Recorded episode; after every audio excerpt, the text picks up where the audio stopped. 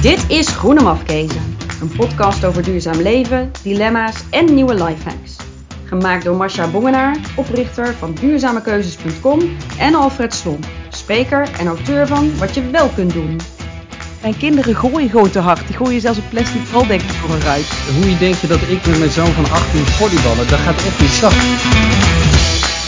Welkom luisteraars, wat leuk dat je luistert naar een nieuwe aflevering van Groene Mafkezen. Inmiddels zijn we twee maanden onderweg. Alfred, hoe vind jij dat het gaat? Nou, wij hebben deze podcast een maand voordat we begonnen bedacht, geloof ik. En zo werkt het ook een beetje met de organisatie. Maar ik vind het een uh, geweldig avontuur. En jij? Ja, ik vind het wel gezellig en uh, het gaat lekker. Dat komt ook volgens mij omdat we elke keer weer bijleren. Want ja, we doen eigenlijk maar wat.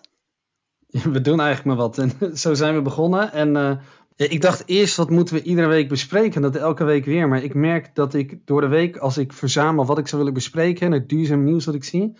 dat ik denk ik echt elke week, elke dag een podcast zou kunnen maken. Elke dag. Nou ja, ik sprak ja. van de week wel iemand die zei: uh, Ja, de eerste 100 podcasts, uh, dat lukt dan nog wel om iets voor te verzinnen. Maar daarna wordt het ingewikkeld. Iemand die heel veel podcasts luisterde op een verjaardag. Zegt: Nou, 100, dat moeten we nog maar zien te halen. Uh, kijk, het duurzaam nieuws bespreken we ook. Hè? En dat verandert elke keer door. We maken natuurlijk allemaal dingen mee, online en offline. Dus ik denk dat dat wel mee zal vallen. Maar we gaan het zien.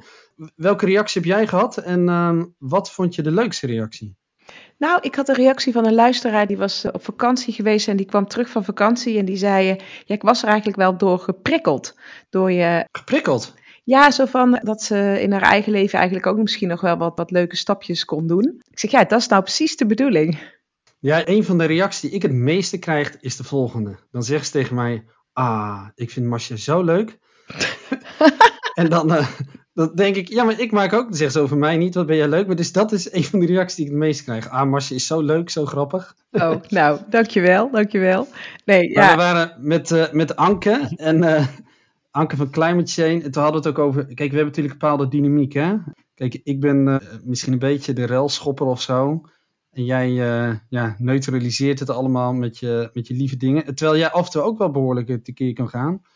Dus dat, uh, ja, dat vind ik erg leuk om die dynamiek uh, samen te hebben. Ja, wie had dat eigenlijk gedacht? Ik bedoel, hoe vaak hebben we elkaar hiervoor aan de lijn gehad? vier keer of zo? Ja, maar wel tot midden in de nacht bijna. En ik bleef met praten. Toen dacht ik, hey. hey um, Saul, hoe vind jij het, het gaan? Want jij moet elke keer die podcast opnemen en bewerken. En halve weekenden ben je ermee bezig. Ja, erg leuk. En natuurlijk ook erg leerzaam. Ik weet nog wel dat we elkaar ontmoeten bij een van jouw cursussen. God in de supermarkt. En dat ik me toen aanbood als grafisch en nu doe ik het geluid. Dus ik heb elke week ook weer uh, nieuwe dingen bij. Het is één grote movie waar we in zitten. Wat ik nog zat te denken. Kijk, mijn hoofd staat eigenlijk nooit stil. Hè? En in die zin is het voor mij ook heerlijk om alles op zijn plek te laten vallen. En ik was vandaag muziek aan het luisteren die een vriend van mij had doorgestuurd. En uh, ik dacht, dit is mijn hoofd. Luister maar eens. Dit is mijn hoofd.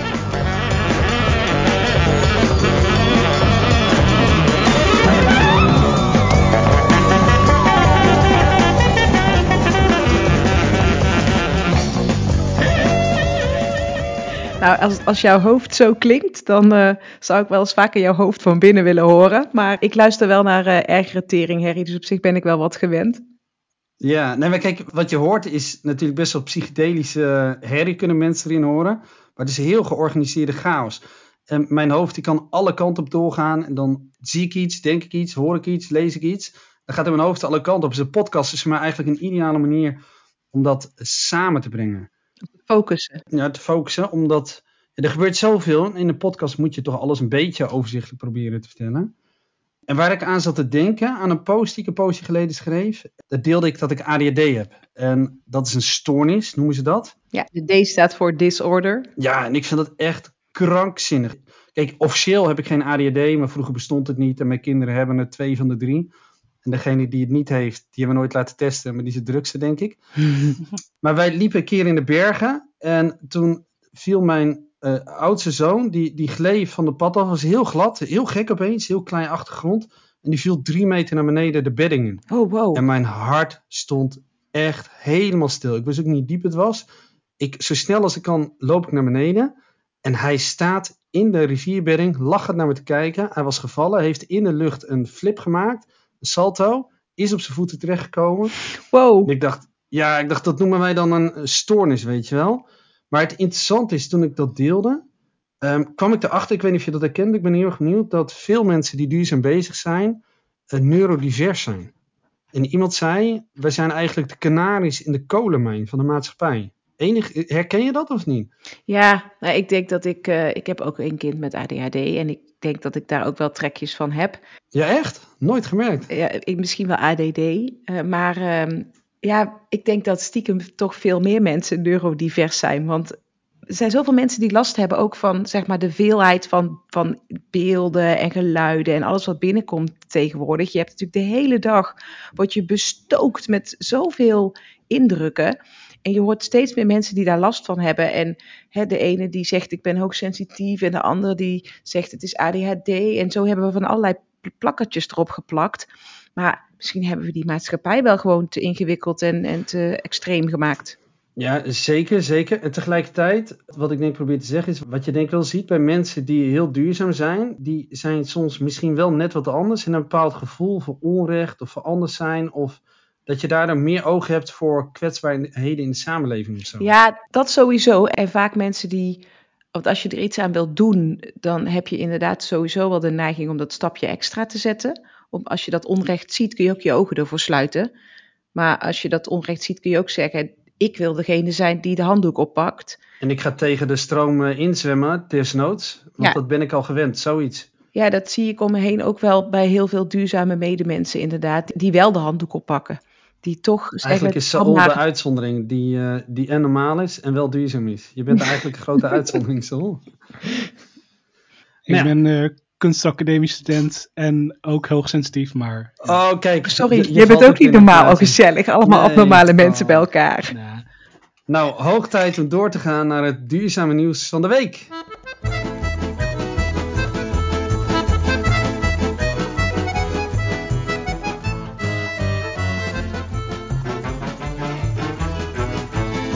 Masja, welk nieuws viel jou afgelopen week op? Nou, ik las een uh, mooi achtergrondartikel op nu.nl over een hoogleraar oncologische chirurgie aan de Rijksuniversiteit van Groningen. Hij heet Schelto Kruijf. En die vertelde over zijn onderzoek of zijn uh, promotie.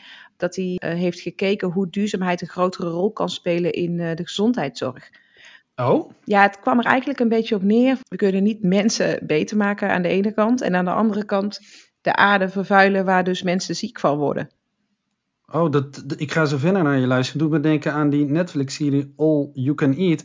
Waarin iemand zegt, dan kom ik een ziekenhuis binnen. En dan eten mensen een maaltijd. En ze eten een maaltijd met producten waardoor ze in dat ziekenhuis terecht zijn gekomen. Bedoel je dat?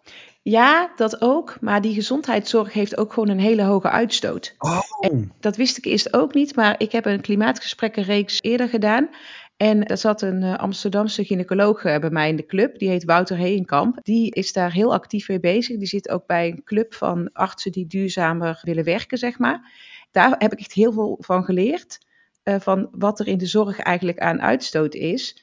7% van de CO2-uitstoot van Nederland komt namelijk uit de zorg.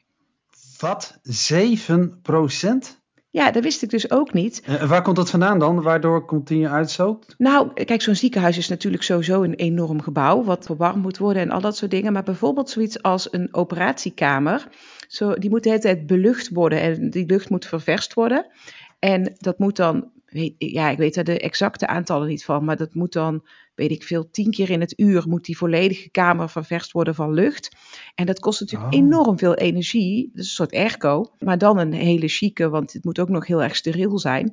En dat kost heel veel energie. En hij zegt, ja, dat is leuk natuurlijk als je een open hartoperatie hebt, maar bij een knieoperatie is, die, is dat risico natuurlijk veel kleiner. Dus het is de vraag of je dan niet gewoon uit kunt met drie keer verversen of vier keer in plaats van tien keer. En dat is dus nog nooit onderzocht. Nee joh.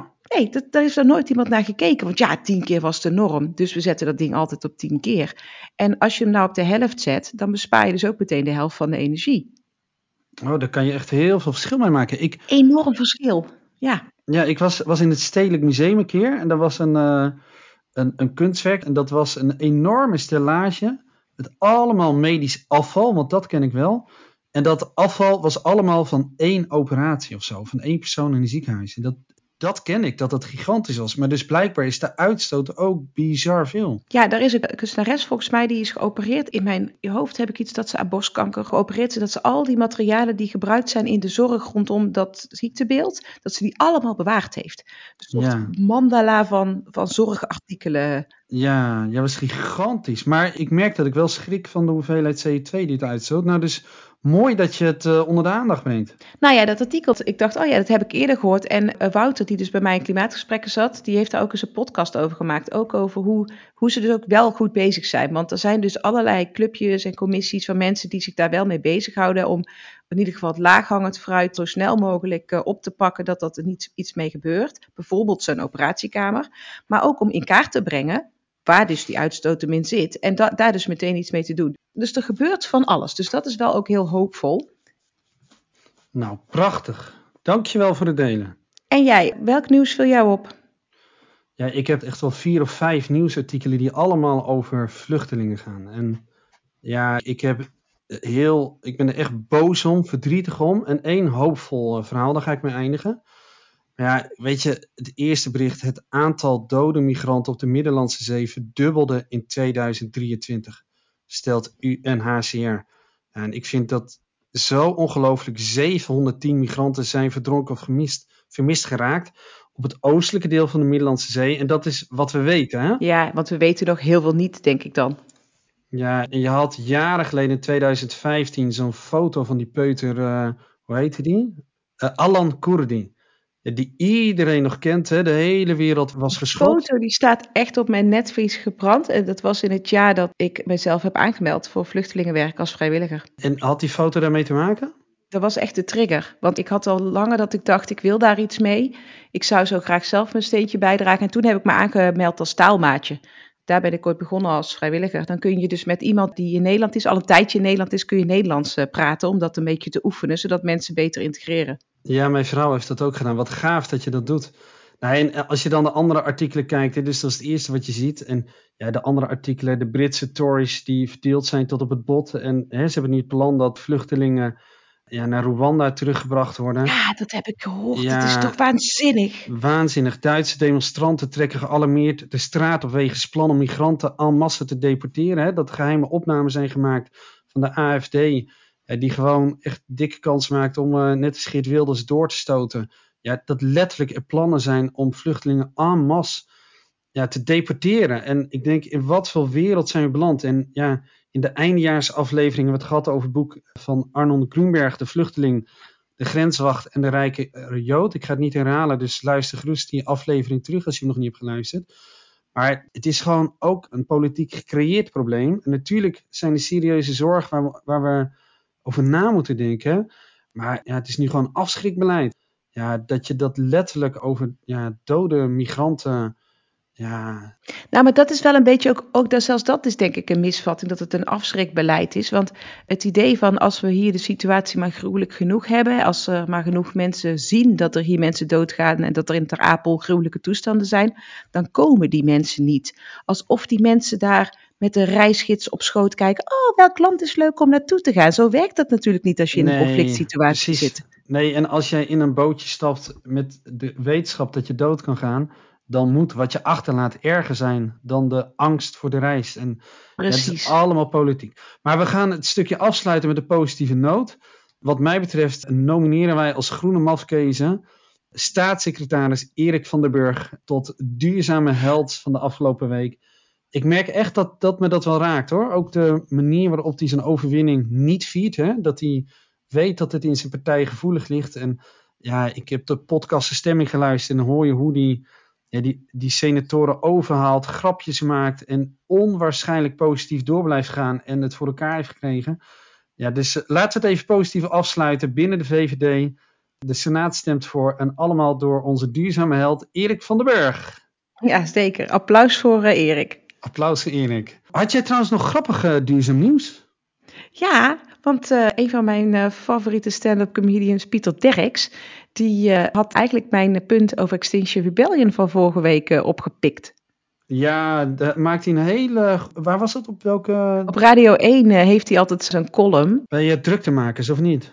Ja, laten we een stukje luisteren. Als Extinction Rebellion een verdienmodel is, dan is dat voor de fabrikanten van lijm en de verhuurders van betonslijpers. En ik sluit natuurlijk niet uit dat de families Prit en Bison een stiekem plan hebben gesmeed met de firma Boels en de klimaatactivisten zich laten gebruiken zoals de boeren speelbal zijn van veevoerfabrikanten en stronthandelaren. Maar god, wat zou het heerlijk zijn als elke wetomzeiler in dit land op precies evenveel rancuneus populistisch geraaskal zou kunnen rekenen. Pieter Derks altijd een spijker op zijn kop. Ja, laten we hopen dat uh, de vermierende partijen niet luisteren, want anders draaien ze NPO zeker de nek om. ja, dat is zo, dat is zo. Nou, laten we doorgaan naar het dilemma van de week.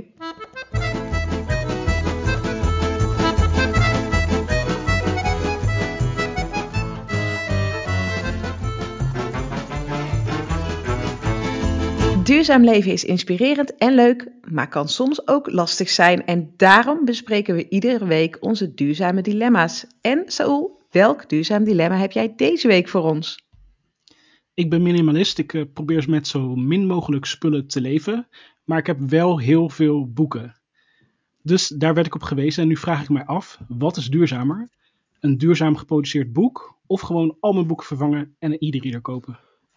Oh, nou Marcia, daar zijn wij mee bezig geweest, hè, een poosje geleden.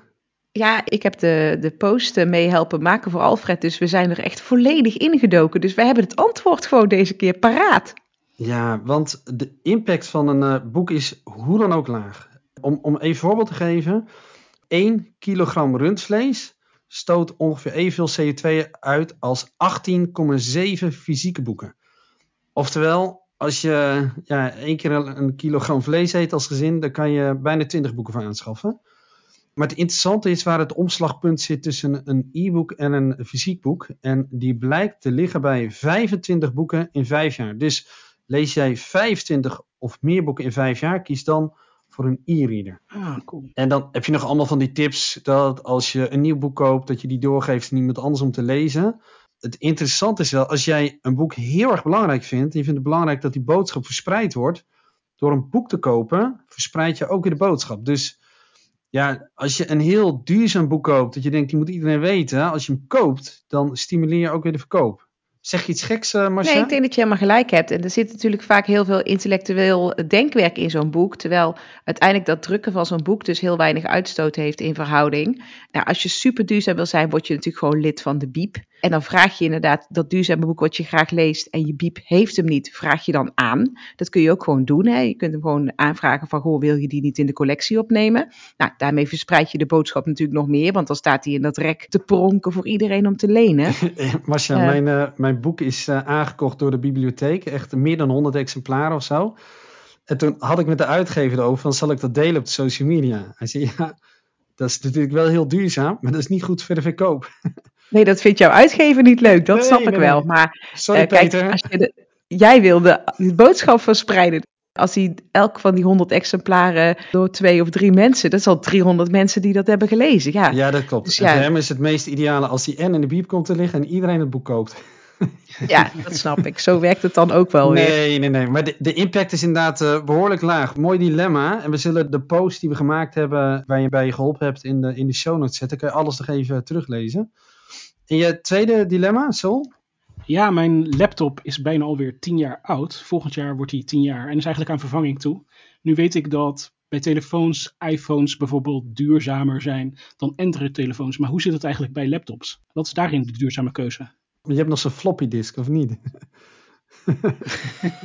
nee, maar eigenlijk ben je al super duurzaam bezig, Saul. Want volgens mij doet de gemiddelde Nederlander gewoon een jaar of vier, vijf met zijn laptop. Dus jij doet er gewoon twee keer zo lang mee. En dat is uiteindelijk de duurzaamste keuze. Hè? Zo lang mogelijk doen met je elektrische apparaten.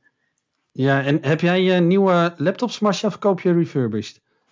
Nee, ik heb, deze heb ik, uh, die ik nu heb, heb ik nieuw gekocht. Omdat ik iemand ben die daar zo lang mogelijk mee doet totdat hij echt niet meer kan.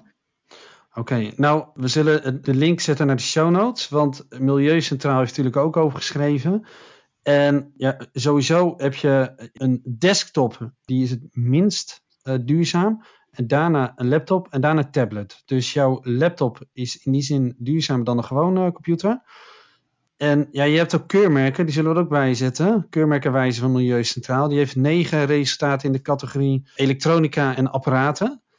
Ja, en bij Coolblue of zo kan je intypen dat je een duurzamere variant hebt. Maar ik denk dat je de meeste impact inderdaad maakt door, uh, wat Masje zegt, heel lang ermee te doen en misschien uh, refurbished te kopen. Cool.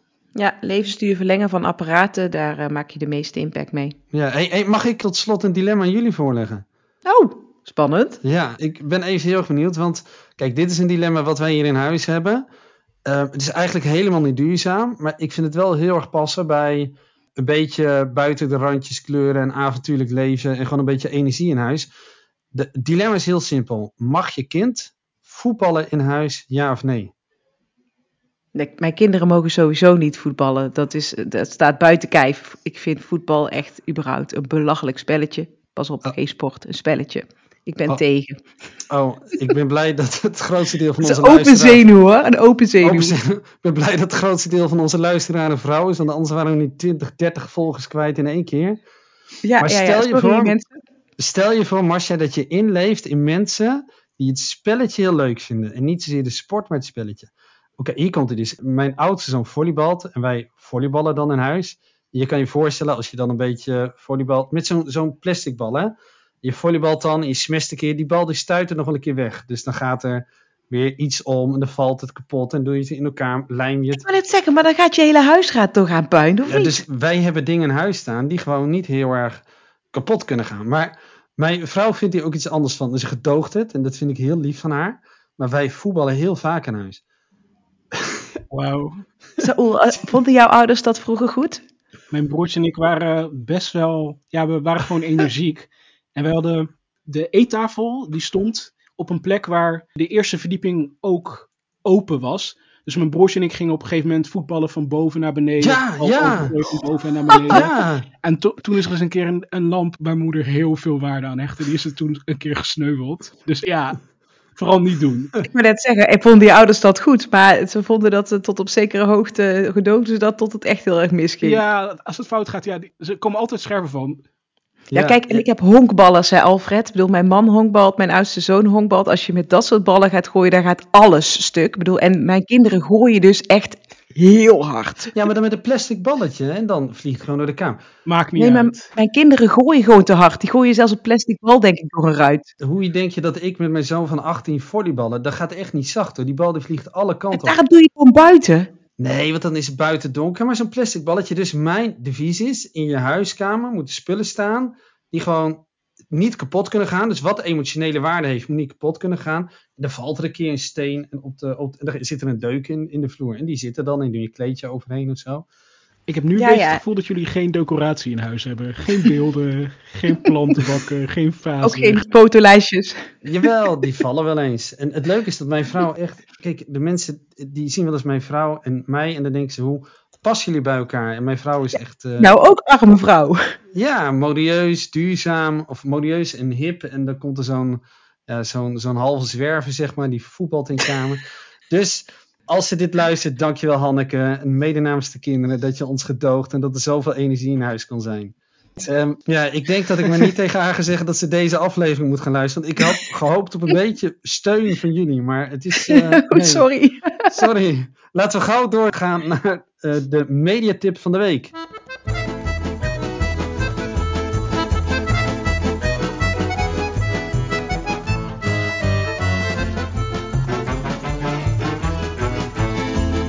Masha, wat is jouw tip van de week?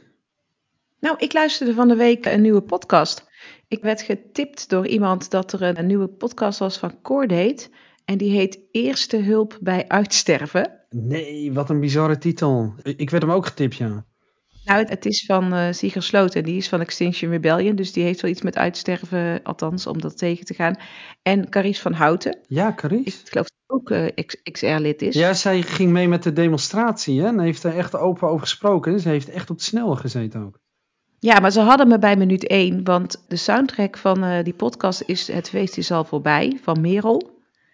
Oh. Het feest is al voorbij, maar we dansen nog, nog door. En ik weet niet waarom, maar toen dacht ik, uh, ja, misschien wel. Misschien is het feest wel voorbij.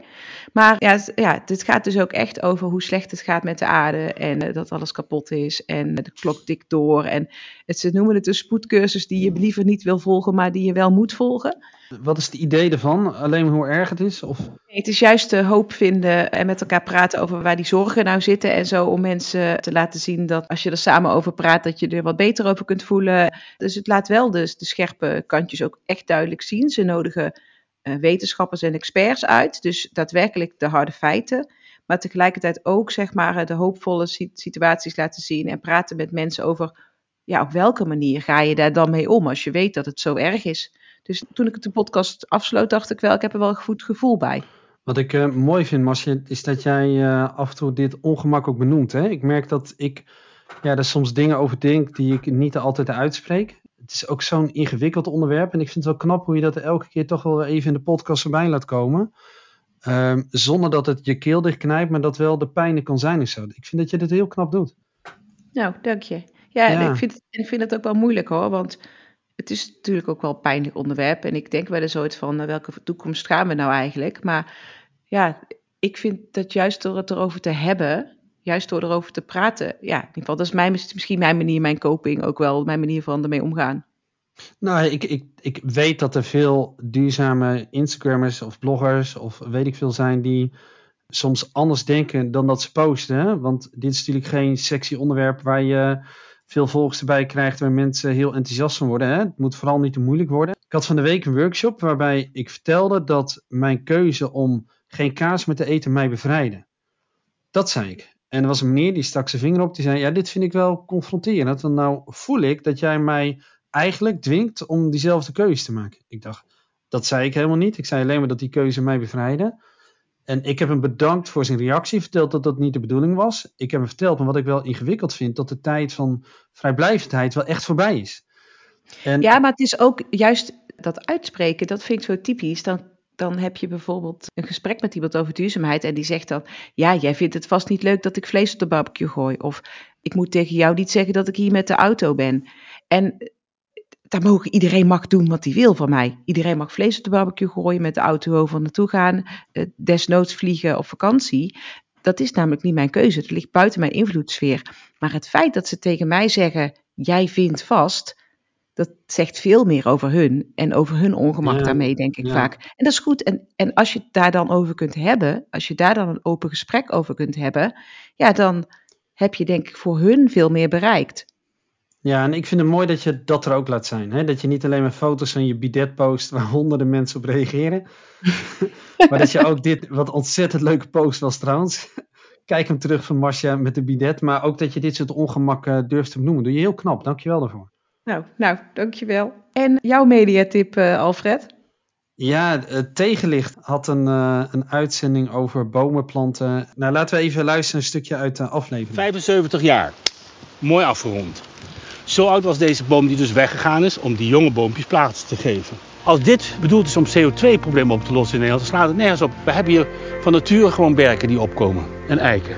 Dus waar moet je ze dan planten? Sowieso daar waar geen bomen zijn, bij de boer. Tussen de landerijen. Kan iedereen zien hoe ze groeien. En elke dag dat ze verder groeien is winst. Ik vind dit ja, zo'n waanzin. Je ziet echt de doorgezaagde stam van een prachtige boom moeten hebben gestaan. En ik moest direct denken, en dat is mijn tweede mediatip, aan het boek Tot in de Hemel. Ja, ik ga niet meer aan jou vragen of je het boek gelezen hebt, want je leest nooit boek, hè? Haha. uh, maar als je van de zomer één boek kan lezen, ja, iemand tipte mij het boek en die zei, na dit boek kan je nooit meer normaal in een bos lopen. En dat is echt waar. Ik kan nooit meer normaal door een bos lopen. Het boek is geschreven door Richard Powers. En die, die meneer die, die zei, toen hij ging schrijven, zei tegen zijn vrienden: Ik ga een boek schrijven, een roman schrijven over bomen. En zei iedereen: Je gaat een roman schrijven over bomen, dat kan niet. En dat is gek. En hij heeft zes jaar onderzoek gedaan naar wetenschappelijke inzichten over bomen.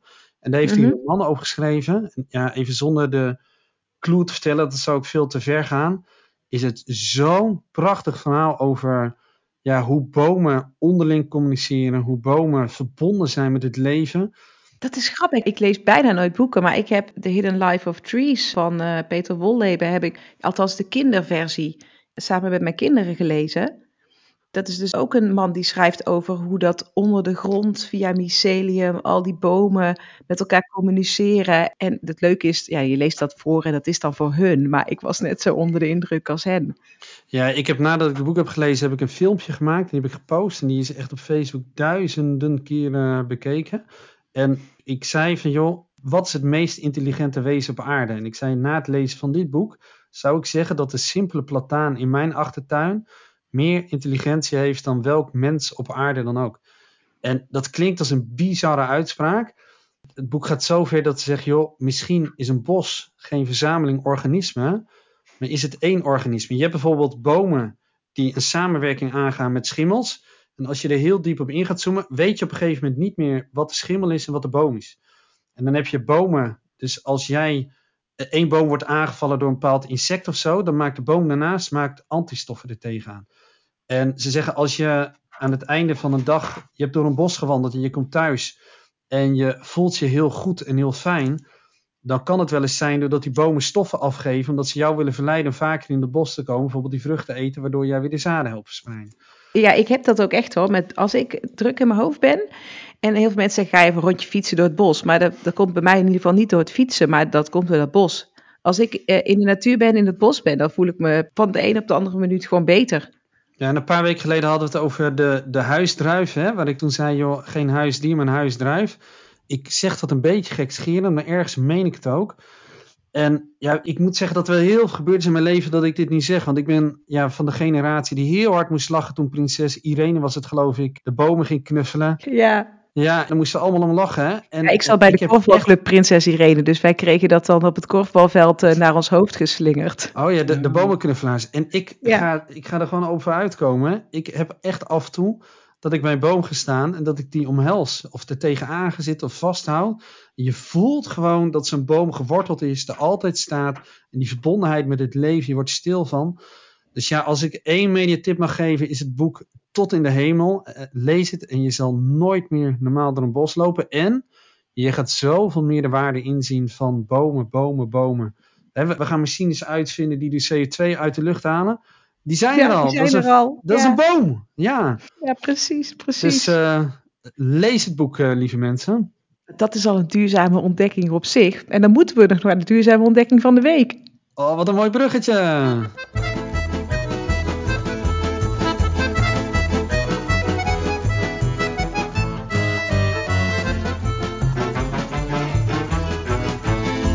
Wat was jouw ontdekking van de week? Nou, ik kwam erachter dat ik uh, de verkeerde pijnstillers gebruik. De verkeerde pijnstillers, want ze hielpen niet.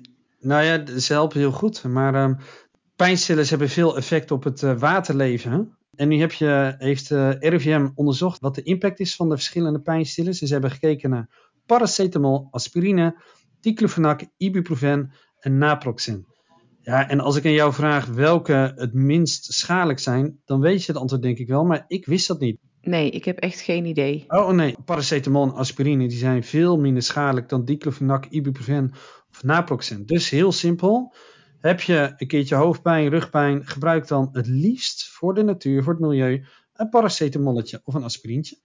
Maar ik snap toch niet helemaal, want ik, ik spuug dat toch niet in de rivier of zo?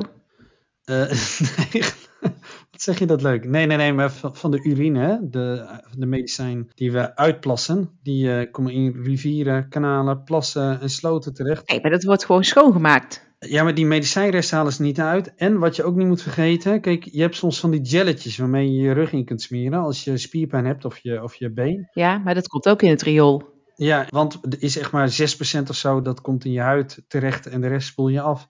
Dus als je dat soort jelletjes gebruikt, ja, zoveel effect hebben ze ook niet. Gebruik er gewoon van die warmtejelletjes zonder diclofenac of uh, andere uh, medicijnen.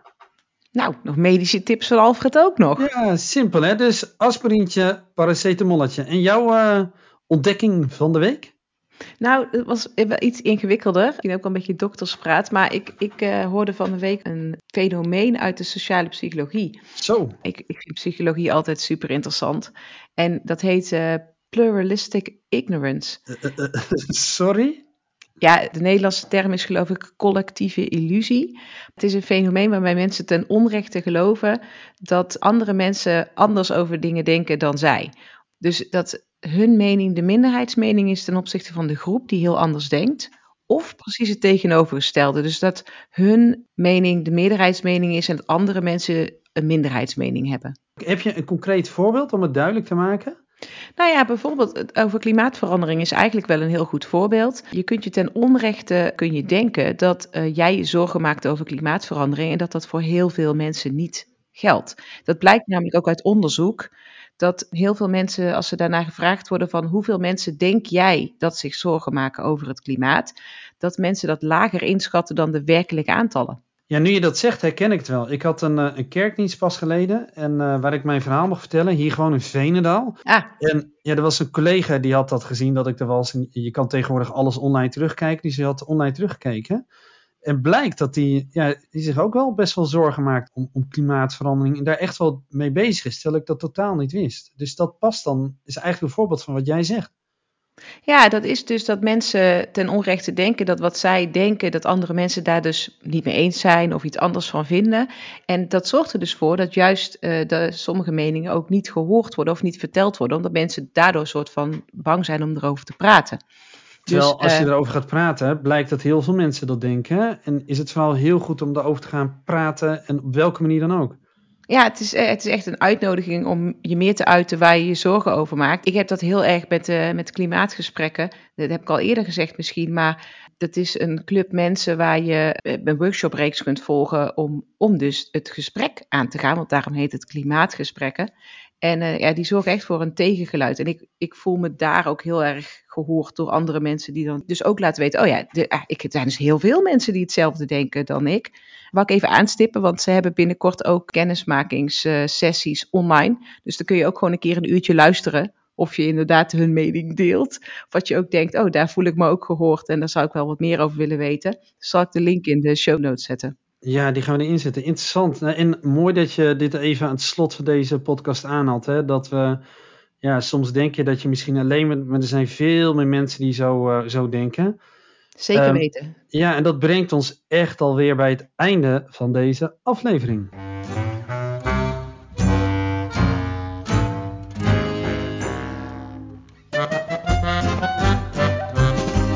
Nou, uh, ga je komende week nog wat bijzonders doen? Nou, ik bedacht me dat ik me moest voorbereiden op onze jongste zoons verjaardag, want die wordt binnenkort zeven. En als je tweedehands cadeautjes koopt of als je een uh, ervaring cadeau wil geven, dan kost dat wel iets meer tijd dan dat je gewoon de avond van tevoren snel even een cadeautje bestelt bij het blauwe mannetje.